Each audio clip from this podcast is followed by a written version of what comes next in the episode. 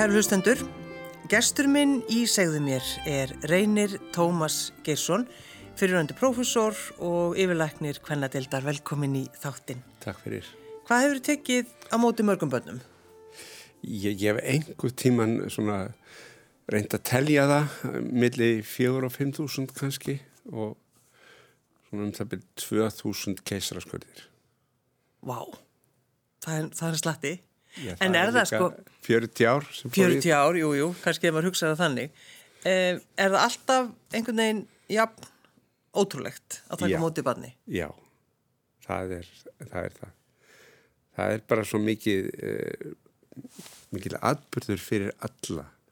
Bæði það sem er að taka móti en þó auðvitað mest fyrir þá sem er að eignast barnið. Og maður tekur alltaf þátt í því.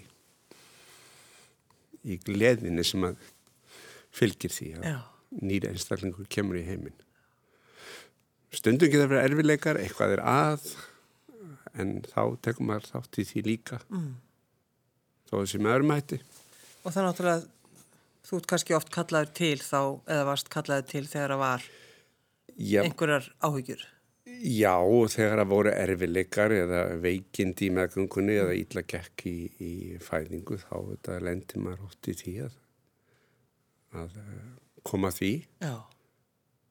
Er fólk sem stoppaði á götu, þú tókst á móti mér? Já, það gerist oft. Já.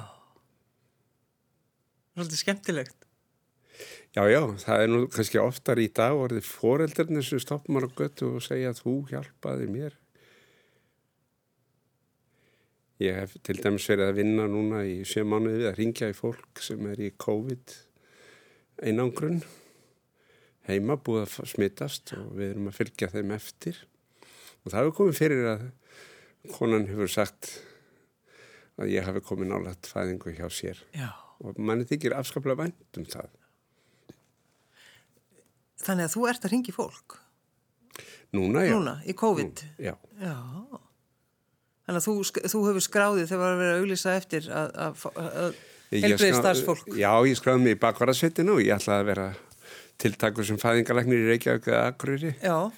en það var sagt að ég gæti talað við fólk og þess vegna ætti ég að koma í símaverð og, Og það þú, var ekki þetta að skora stund af því. nei. Hvernig finnst þér það?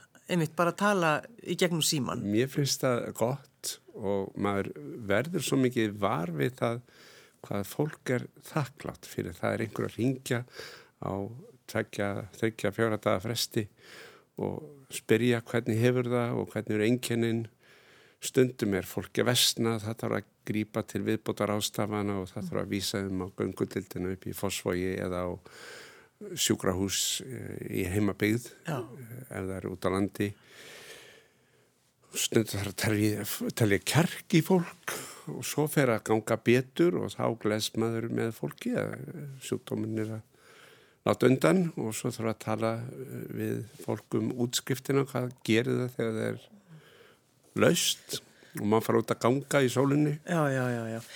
Færðu stundum svona þá í þessum símtölum reynir sko persónulegar sögur? Það kemur fyrir, já, maður fær svona aðeins aðeins persónlega sögur Já. eitthvað sem að fólk vil ræði við mann um Það er náttúrulega einmannaleikin. hjá sömum, já. En það er alltaf líka oftir þetta er bara fjölskyldur sem er heima og, og það gengur vel en það þarf svona að svara ímsum spurningum. Sko, hætti maður einhvern veginn að vera prófessor ef maður er búin að vera prófessor í 40 ár? Já, það er ábyggilega svo hjá mörgum sem að sinna því starfi. Maður er náttúrulega bara kennari. Já. En ég er ennþá búin að halda áfram, það er náttúrulega komið núna uh, sjö ár verða síðan ég hætti formlega sko, en ég hef verið að vinna fyrir helbriðsvandið og komið að því að stýra nefnd sem að hefur að gera með það að byggja upp sérnámlækna á Íslandi. Mikið þarf á því að halda læknum sem hefur verið að menta í áskólan lengur á Íslandi og gera þeim klift að, að sérmenta sig hér. Já. Og ég hef unni við þetta og svo hef ég haft nokkra nefnendur. Þrýr doktorar hafa útskrifast eða er að útskrifast núna í vettur og ég hef meitt nýjan frábærlega flottan doktorsnema sem að ég eitthvað kem til með að fylgja eftir næstu 1, 2, 3 árin. Já. Hvort var hann gammal? Ég á 75 ára aðmæla morgun. Þegar þú hættir, reynir, fannst þér erfitt að hætta? Nei, nei. Það var ágættur og satt sér góður eftir maður Já. sem tók við af mér og hún hefur verið afskaplega almenlega við mig og leift mér að halda aðstöðu í, á kannadeildinni. Ég hef vísu færst niður um hæðirnar og niður í kjallara en það fer ágætlega um mig þar og ég get svona haft vinnu aðstöðu og farið að heiman og þegar maður er orðin einna þá er gott að geta unni við eitthvað Já. og farið og gert eitthvað og hitt annað fólk. En ég, sko, ég er bara eitthvað að pæli þessu hvað þegar maður er yfirlæknir hvernadeildar og, og bara að sleppa að segja þú veist Já. ég er hættur. Ég, ég bara slefti þessu uh, klíniska sem kallaði það, öllum þessum starfum. Ég var reynda búin að draga mig svolítið út úr því í sjö ára og undan. Ég tók að mér að vera aðalriðstjóri í Norræna fagtímanitsins og lagði mikla vinnu í það. Mm og ég mingaði starfslutfallir mitt nýri 50% starf og tók 50% starf sem aðal rittstjóri á móti. Var svo áfram með rannsóknar vinnu en mingaði svolítið það að vera innan um sjúklinga og, og smá saman hætti maður líka að taka vaktir. Já, já. svo að maður svona smá saman færði sig frá og yfir í annað sem líka var gaglegt og hjálpar manni þá í dag að takast á við það sem maður er að gera Já. í dag. En þú nefnir þú veist að það sé gaglegt. Já. Og það er fínt. Það er það sem þú hugsa, hefur hugsað um alltaf. Já, já, ég vil náttúrulega gera eitthvað gagn á með ég get og meðan að uh, höfuð er í lagi og, og lapirna bera mann að þá er þetta bara fínt að geta verið að stúsa í einhverju og sérstaklega er alltaf gaman að, að gera eitthvað fyrir ungt fólk nefnenduna mína í gegnum tíðina alveg í þá síðustu þá, sem núna eru og geta hjálpa fólki áfram að ná sínum takmarkum með því nægi líka mínu takmarki Hvernig leiðir þegar að konaðinn þá kærasta sæður upp? Já, ég var vola ánaður fyrst og fór til vinnana og sagði sko, vá, núna sko getum við að gera hvað sem er, hvaða stelpa sem er. Ég er en, frjáls. uh, Ég er frjáls, já, já en svo fann ég bara út af því að ég var ekkit frjáls sko, almenlega og, og ég uh, hérna var þeirri stundu ákala fegin þegar við fórum að dansa á Dimisjón aftur. Já. og við hættum ekkit að dansa eftir það Það voru en, en, sko, rúmlega 50 ár sem við dansum saman. Rúmlega 50 ár? Já. Já. Ég var mjög uh, heppin. Já. Ég fekk frábæra konu og það var bara gott. Og, og sko að því þú segir þetta sko. Við vorum samrýnd hjón og gerðum eiginlega allt saman Ég var til dæmis eh, aldrei eh, í svona eh, kífanis rótari að Lions-klubbi, pappi var frímúrari vildi nú endilega ég færi í það svona, laði ekkert mjög hægt að mér en hefði nú alveg hjálpað mér inn. Ég var átt spurður sko, ert ekki svona kífanis rótari eða Lions og svona, maður í þinni stöðu þarf að hafa svona kontakta. Já. Ég fór nú eitthvað kífanis rótari fundi svona sákvönda var sko, en ég sagði alltaf ég er í Lions Club. Og þá var ég spurður hvaða klub ert í? Og ég saði það er mjög spes klubur það er bara ég og formaðurinn. Já. ég er eini meðlimurinn auk formansins að því að kona mér fætt í ljónsmerkinu. Og ég eitti sem sagt eh, allum þessum tíma eh, sem annars hefði farið í svona klubfundi með henni. Já. og nógu mikið var ég burt út af vinnunni ákvöldin og um helgar og, og, og því að maður er ekki svona starfi að vera yfirleiknir á stóri klíniskri deild nefnum að maður eh, hafi það sem part af lífinu að maður er bara þarna mjög mikið mm. og þannig var það hjá mér og, og bæta við einhverjum lægjans eða uh, solisklúpi það bara gerist í fyrra hjá mér. Ég fór í lægjumsklúp, alvöru lægjumsklúp Já, þannig að þú, þú komin hinn var í... sen, reyndar alvöru líka sko. Já, já. Hva, hvað get konaðinn? ég heit Steinun Jóna Sveinsdóttir. Hún var ættuð uh, úr Vestmannum og frá uh, Ísafyrði en ég er óttalegur bastardur sko. Ég uh, er aðeins kvart Íslendingur og afi minn annar var, var norskur og mamma var tísk með svolítið úr Rínalöndunum með svolítið fransk blóð í æðum. Svo ég er einlega íslenskur, norskur, tískur pínlítið franskt og svo var ég búinn til á herberginu með 211 og Grand Hotel í Svíþjóð. Svo ég er svona made in Sweden. Það, það er enginn nema sko yfirleikinu kvennadildar sem veit nákvæmlega hvað hva hann, hva hann var búinn til. Já, neða, það var nú bara ég var á sjó, sjó og heklunni sem sildi Norðurlanda. Já, því ég var eftir Fymtabekk 1965 og einhver tíman eh, þegar að skipu kom til Reykjavík og saði ég við mömmu nú ætla ég að fara næst yfir til Svíþjóðar. Og Já. þá sagði hún þú geta farið og kíkt hvað það var spúin til og herbyggi 211 á Grand Hotel. Pappiðinn kom frá kaupmannahafnum eftirmiddaginn og þetta var við hátæðisverða borðið og pappi var rauður í andliti og sagði nei, nei, nei, það var ekki finnum nóttina. Þetta er náttúrulega dásanlegt.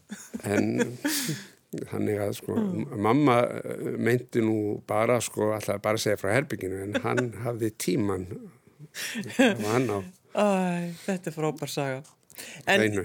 sko, þið voru saman bara eftir þannig að hún saði aðeins upp hann í smá tíma og svo dönsuðu þið og Dimisjón já, og dönsuðu síðan. Eh, þegar hún deyr, já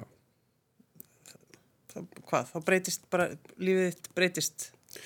Já, Algjörlega. það var auðvitað mjög erfitt og, og sérstaklega sko síðasta halva ári sem hún var veik og veikari. En uh, hún vildi líka að ég hjaldi áfram lífinu og, og uh, ég var til dæmis búin að skipulegja ferð lækna árgangsins míns til Veils þar sem eina af okkur úr lækna árganginum býr búsetti sig og, og uh, ég gæti ekki hlaupið frá því. Svo ég varði að fara aðeins uh, fjórundögum eftir jarðaferna. Fór ég með hópin til Veil, sko. En hún hefði viljað það. Já. Hún hefði viljað að ég kláraði verkefni. Hvernig, hvernig leið þér? Það var erfitt. Já. En ég á góða bekkjarfélaga. Og allir náttúrulega vissu hvernig þið leið. Já, Já. Þeir allir verið í jarðaferni. Já. En, Þau öll, því það er líka konur. já, já, auðvitað. Um, sko, þegar þú talar um hana, uh, þá einhvern veginn, þú sendir mér smá línu og maður alveg bara, sko, finnur, finnur ástina einhvern veginn. Þetta var mikil vinátta og mikil virðing. Já.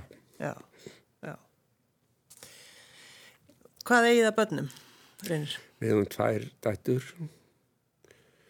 Svo eldri, hún er dýralæknir og gift breskum olíuverkvæðingi, eða skoskum.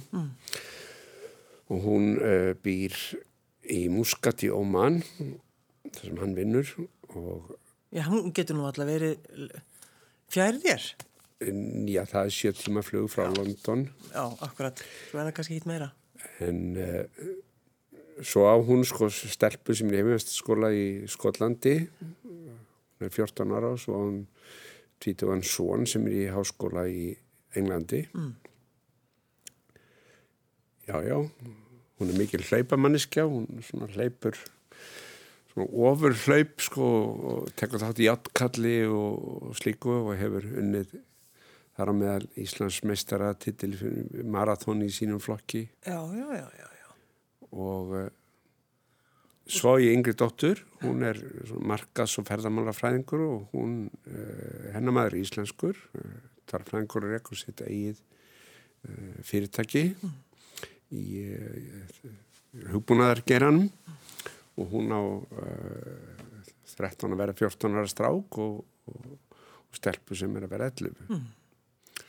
En var það ekki þannig með steininu konuna þín að hún, sko, hún var sjálfstæð mann, sko, mjög sjálfstæð manneskja? Jú, hún hafði það, hún hafði sitt, sitt líf og, og við, sko, ég var náttúrulega ofta að fara ellendis, hún kom oft út af vinnunni, mm.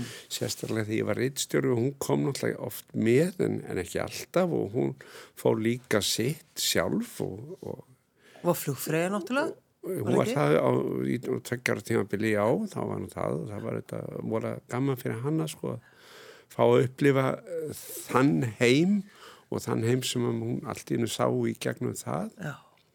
Það var uh, æðislegt og ég var á meðan upp í Kellingafjöllum, ég var þar að spila gítar og stjórna kvöldvögum og svo kenna á skýðum setna. Nú varstu í því líka? Ég var í því á sumrin sko. Já og við auðvitað gerðum þetta sko saman og setja ykkur lagi eins og þurfti en mm. við vorum alltaf saman þegar að færi gafst og, og setna þegar við vorum rúmlega um fært þá kynntust við kæjagróðri við vorum búin að reyna að prófa golfið sko. Uh, og, en við kynntust kæjagróðri og fannst félagarnir í því og bara félagskapurinn sem hefðum kort af öðru vera svo frábærlega gott. Útivist og sport og... Þetta er nú svolítið flott sport líka. Já, já, já, við erum hér og þar á Íslandi mikið í breyðafyrðinum og hérna við fagsaflóan en, en eiginlega fyrir austan og norðan og vestan nema á Suðuströndinni það er svo erfitt að, að róa. Já, já, en svo erum við í Nýja Sjálandi í Danmörku og Grænlandi í Færiðum, í Bandaríkjónum og Kanada í Tíle og í Laos á, wow. á það var svona Þannig að þið hafið svona sko, að, bara einhvern veginn að njóta lífsins okkur tósta vel og hún sagði við mig að hún dóa hún var í ána með lífið Hún sagði það? Já, Já. Hún hafði góða æfi Það kannski hjálpa manni líka svolítið bara einhvern veginn í, í sorginni á eftir Já, já, það gerir það, það, það, það. Hvernig var það þegar að, að uh, sko, konaðinn hafði áhuga á, það var tónlistinn og það voru bókmyndirnar. Já. Og svo fór hún eitthvað að þýða einhverja bók. Já, hún hérna fjakk bók hjá konni sem bjóð fyrir ofan okkur í sagamýrinu og hæðinu fyrir ofan okkur. Og svo kona var með tengsl við Danmarku og gauði gaðinni bók eftir danskan höfund sem heitir Lars Henrik Olsen. Mm Hann hefur skrifað yfir hundrað eh, bækur, mikið bækur sem er svona ætlar táningum.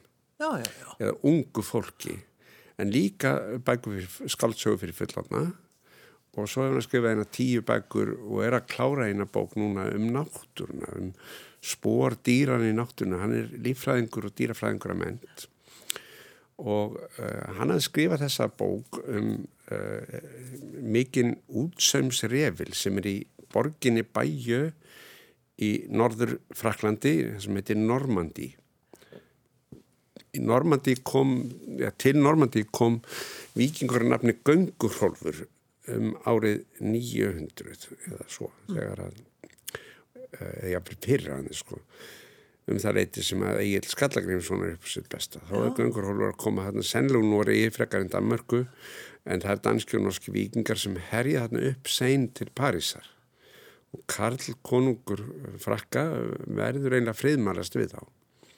Og segir sko þið fáið að setja stað hérna við árminnið nálatur úðuborg og þar veð svona sein renn út í sjóin ef þið vergi landi fyrir öðrum vikingum og þeir gerðu það og urðu smá saman uh, franskir þó þeir hefðu ímislegt norrænt enni í sínu farteski og konusættina voru að giftast og svona fyrirmenna ættir hartu og eins og þeir eruði í Normandi Göngur Hólfur og hans uh, afkomendur.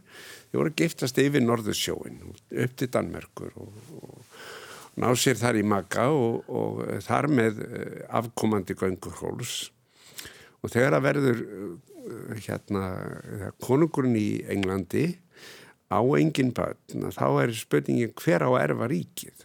Og Vilhjálmur bastardur, hann var bastardur á því mammas var sútaradóttir hann telur sér borin til ríkis í eh, Englandi En í Englandi voru Danir búin að vera við vald. Það er náðunds Englandi voru búin að vera þar við vald í 50 ár. Og eh, það er ákveðið að taka einn af dansku jörlunum sem var þeirra aðal fyrir maður, eh, Harald Guðinason, taka hann til konús. En áður voru enskir hafðingja búinir að lofa því að styðja Viljám Sigurvegara frá Normandi til konús og Haraldur var búin að sverja þess eið þegar hann var tekið til fanga í Normandi að, að eh, styðja Viljám líka.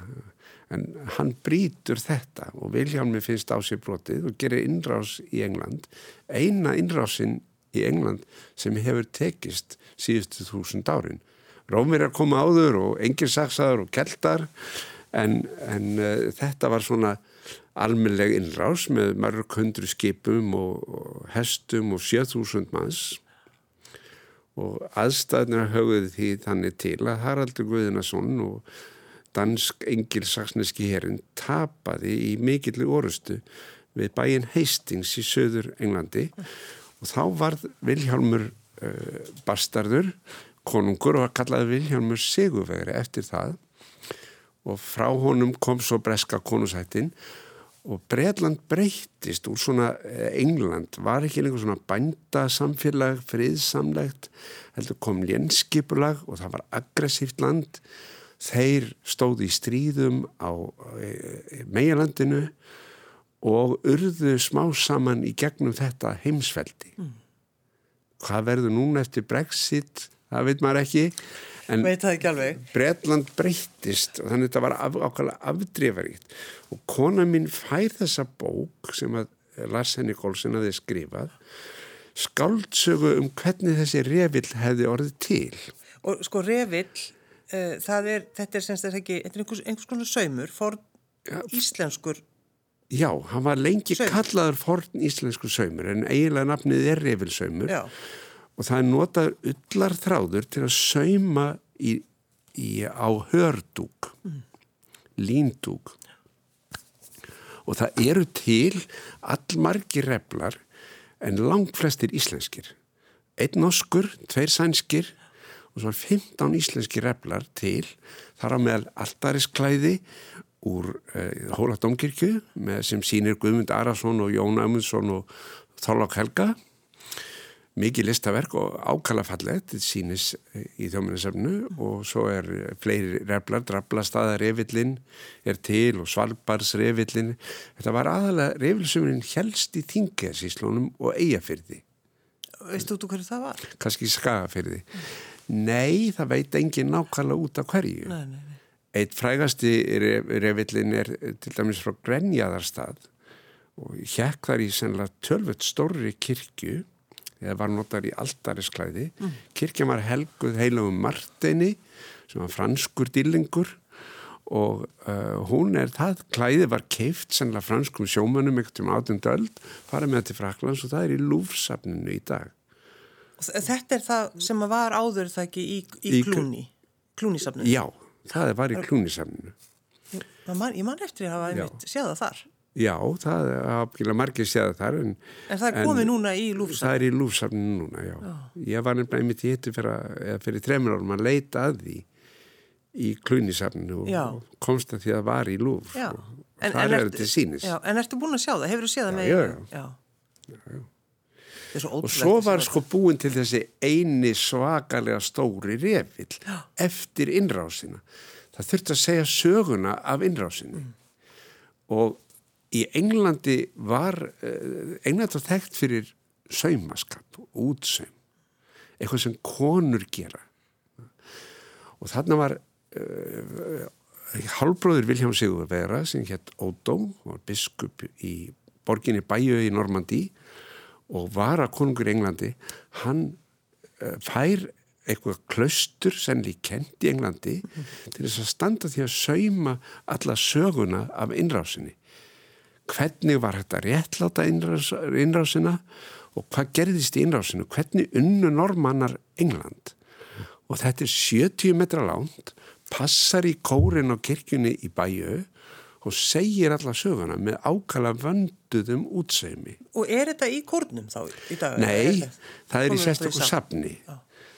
það var, sko þetta var geimt í kirkjunni og sínt einu svona ári í viku í júli svo var þetta bara lagt saman, brotið saman eða rúlaðu Já.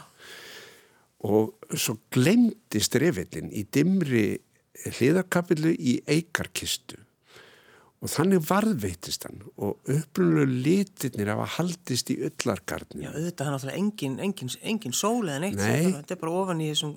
þessum... Stóra kassa. Já Svo ekki fyrir í eh, tengslum við bildinguna í Fraklandi sem að, að átti nú að nota þetta í ábreyður, eh, yfirbreydslur á einhverja vagna.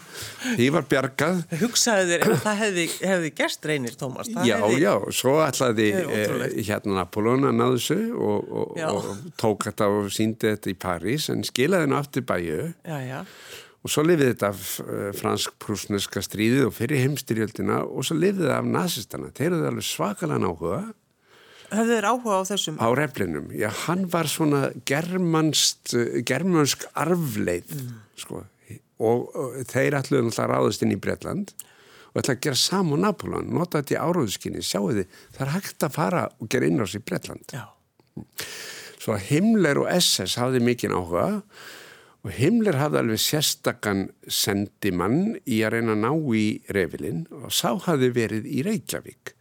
Hétt Werner Gerlach og var alaræðismæður þjóðverja nazista hérna rétt fyrir stríðið. Tekinn fastur af brettum þegar þeir komi hérna já, á mótni 10. mæ já, já, Já, og hann fór svo til, var flutti Breitlands og fór í fangaskiptum tilbaka til Þískanans mm og Heinrich Himmler, hann var maður Himmlers, sendi gerlagt til Parísar sem menningafulltrúa til þess að reyna að ná í refilin. En frakkarnir þvældust fyrir og alveg á síðustu stundu í stríðinu þá var, reyndi SS að ná reflinum en tóst ekki. Sko, reynir, ef þú hefur ekki orðið læknir, hefur það viljið verið sögukennari? Já, það var alltaf plan nummið tvö sko. ég ætlaði að reyna tvissvar að komast inn í ræknadeildina þá Já. var próf eftir fyrsta árið. Þá var tvö próf. Ég var bara svo heppin að ná báðum prófanum í fyrstu adrennu. Já, þannig að þú gæst ekki tekið þessa ákvörðu Ég var læknir eins og ég hafði nú eh, haft hug á en, en plan B var að vera sögkennar í MR Já, þannig að þú ert kannski svolítið svona að fara inn á þær pælingar með því að fara á landnámssetrið má ekki segja það? Já, ég var alltaf búin að núna þegar ég var að sjá um að sko, kona mín týtti bókina Já. og við, hún fór með hana til útgefandi kringum hrunið mm. og það reyndist ekki nægur áhí og hún eiginlega stakk bókinni inn í skáp og USB-köpnum í áttuvísu eh, afrið og ég var búin að kíkja nokkru sem á og sem með mér það eru svona vissi atrið sem að má aðeins laga í tíðingunni mm. og svo má uh, svandar ingang en það var ekkit svo veiktust hún og það var ekkit meira gert en ég sagði henni rétt á hann og dó og ég ætla að klára þetta verk. Já. og þá þurfti ég að skrifa ingangin mér fannst hann alltaf vanda og ég fekk leifi höfundarins til að skrifa ingang. Og þá, og þá þurfti ég að lesa svo mikið um þetta Já, þannig að þá ert að skrifa, þá ert að segja okkur unni frá þessu eins og þú ert búin að vera að segja. Sögunni, já, um revilinn og hvað gerðist 1066 og uh, svo er ég bara, uh, svo kemur bókin út, það tók svolítið tíma að finna útgefenda, mjög góðan útgefenda, lítið fólagi ármúlan sem heitir Bókabeitan og fá leifi til að hafa til dæmis myndir af allum reflinum það þurfti ég að fá frá Fraklandi og ég var uh, kurtis skrifaði bríða á fransku með hjálp og uh, baðum svona afslátt að kosta 32 eurur hver mynd. En þeir uh, gáði mér þetta ókipis ég fekk afnóta af alla myndina að senda frá safnin í Fraklandi og þær eru allar í bókina en maður les bókina sér myndirnar og það verið að tala um það eh, hvað er á myndunum og hvað er verið að sauma og hver sagan og framvindan í sögunni varð. Og þetta er bókin, uh, reynir Tómas, þetta er bókin semst verkurinn frá Normandi. Já, hún heitir það. Já. Bókin sem að konaðin byrjaði að þýða og hafði raunin aldrei einhvern veginn Jú, hún kláraði þýðinguna. Hún kláraði þýðingu, ég segi það, allt í kringum það, en ég endur skoði þýðinguna og fekk svolítið hjálp við það. Og, já, já, já. og svo var fólk sem hjálpaði mér með svona vissa hluti að skrifa ingangin og söguna og, og það var afskaplega góð manneska sem að gerði teikninga fyrir mig í fremst og aftast í bókina eh, afstöðutekningar og svo var fín manneska sem að sá um umbrótið og gerði það ákala vel þannig að ég verði að segja ég er mjög ánæði með bókina Já, en að því að þú segir einmitt þetta sko að, að þú komið heim og, og, og, og þú spyrir hana hvað ert að gera og hún segir ég er að þýða bókina Já.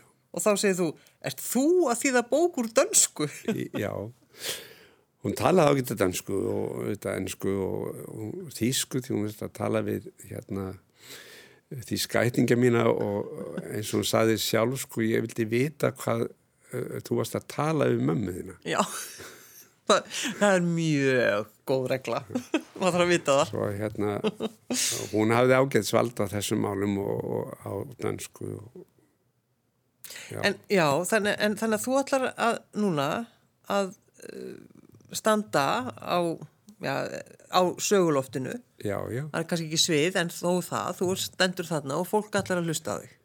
Já, já, ég eh, svona, því ég var að kenna læknarinn þá var ég svona vanur að, að, að- leika svolítið fyrir og til dæmis uh, ég fór fram á gang út úr kennstunum og kom svo inn sko og leik ekkið Já, frjókað ekki sem að svo hérna verður að festast inn í legslímhúðun og ég fór upp á borð og það voru svona borð sem var skeitt saman og ég tók þau sundur og fór undir borðin eins og inn í legslímhúðun var upp á legslímhúðun og kallaði kannski sko Mamma, ég er komin þannig að fólki sem er lagsfræðin hugsa í alvöru. Er Já, ég, það eru, ég hitt einu svona einn nefnd að hann sagði, heyrðu, ég var hjá þér fyrir tíu árum og ég gleymi þessu ekki menn læriðu Já, já, já, og, og mundu, það er nú kannski líka það. það er náttúrulega alveg æðislegt að koma inn í leið tilbúið undan öllum hormónunum Já. og það er allt fullt af viðtökum og það er æðisleg slímúð, það er dúnmjúkt og allt fullt af ykkur volgu slími og viðtökum og, og, og svo þarf maður blóð Já. ná sambandi við mömmu Já. og maður þarf að koma sér onni í slímhónu í gegnum yfirbúrslægið og undir og, og það er alveg rosalega fínt sko, alls konar frumur sem taka á móti manni Já. Já, þú segir þetta svona, það er svolítið þannig. En ertu sko, fyrst, ertu, sko, ertu fegin að því þú þetta saður við steininu konaðina, ég ætla að gefa bókinu út. Já. En ertu sko fegin að það gekk alltu? Ég er bara rosalega ánægð með það. Mér finnst alveg eh, svona besti minnisvarði sem hún gætt fengið var að þetta svona verk sem hún gerði, hún var nú ekki í því að þýða venjulega, Nei, akkurat. hafði bara tekið þetta í sig að gera þetta og að það skulle koma út, ég skulle hafa fengið góða hjálp og aðstofið það og, og þetta hafi tekist vel en mér finnst það svakalega mikil svirði. En hvernig sko, notaru ekkill, notar orðið ekkill, ég er Já, ekkill. já. já. Hvernig, hvernig finnst þér að segja það? Mér finnst það allt í lagi. Já. Ég vannst í. Maður hefur bara sín uh, moment yfir daginn og heima og, og svona. Mm. Og þetta er hún með mann alla daga. Já. Það er svolítið þannig. Já. Já. Og það verður bara þannig, sko. Að ég verði eins og pappi, sko, sem að var 102 ára. Þá ég til langan tíma eftir. Já, þú ert bara rétt að byrja. Það var 102 ára þann dó. Já, og við erum alltaf líkir, sko. Ég líkur honum. Já. í svona já, líkamlega og og svo les Já. Og hann satt einmitt hér í þessu ágæta stúdíu, stúdíu 12 og, og pappi tók við töluðan. já, hann gerði það Já. Tvi- tvis og það dugði ekki eitt viðtal Nei. tvö En ég ætla að hleypa þér út í daginn, reynir Tómas Gesson og ég, ég bæði að velja lag eða, eða músikant og um, Óskar Pítursson, já, takk, er það ekki? jú Reynir Tómas Gesson, fyrirverandi prófessor yfirlæknir hvernig dildar. Takk fyrir að koma. takk fyrir mig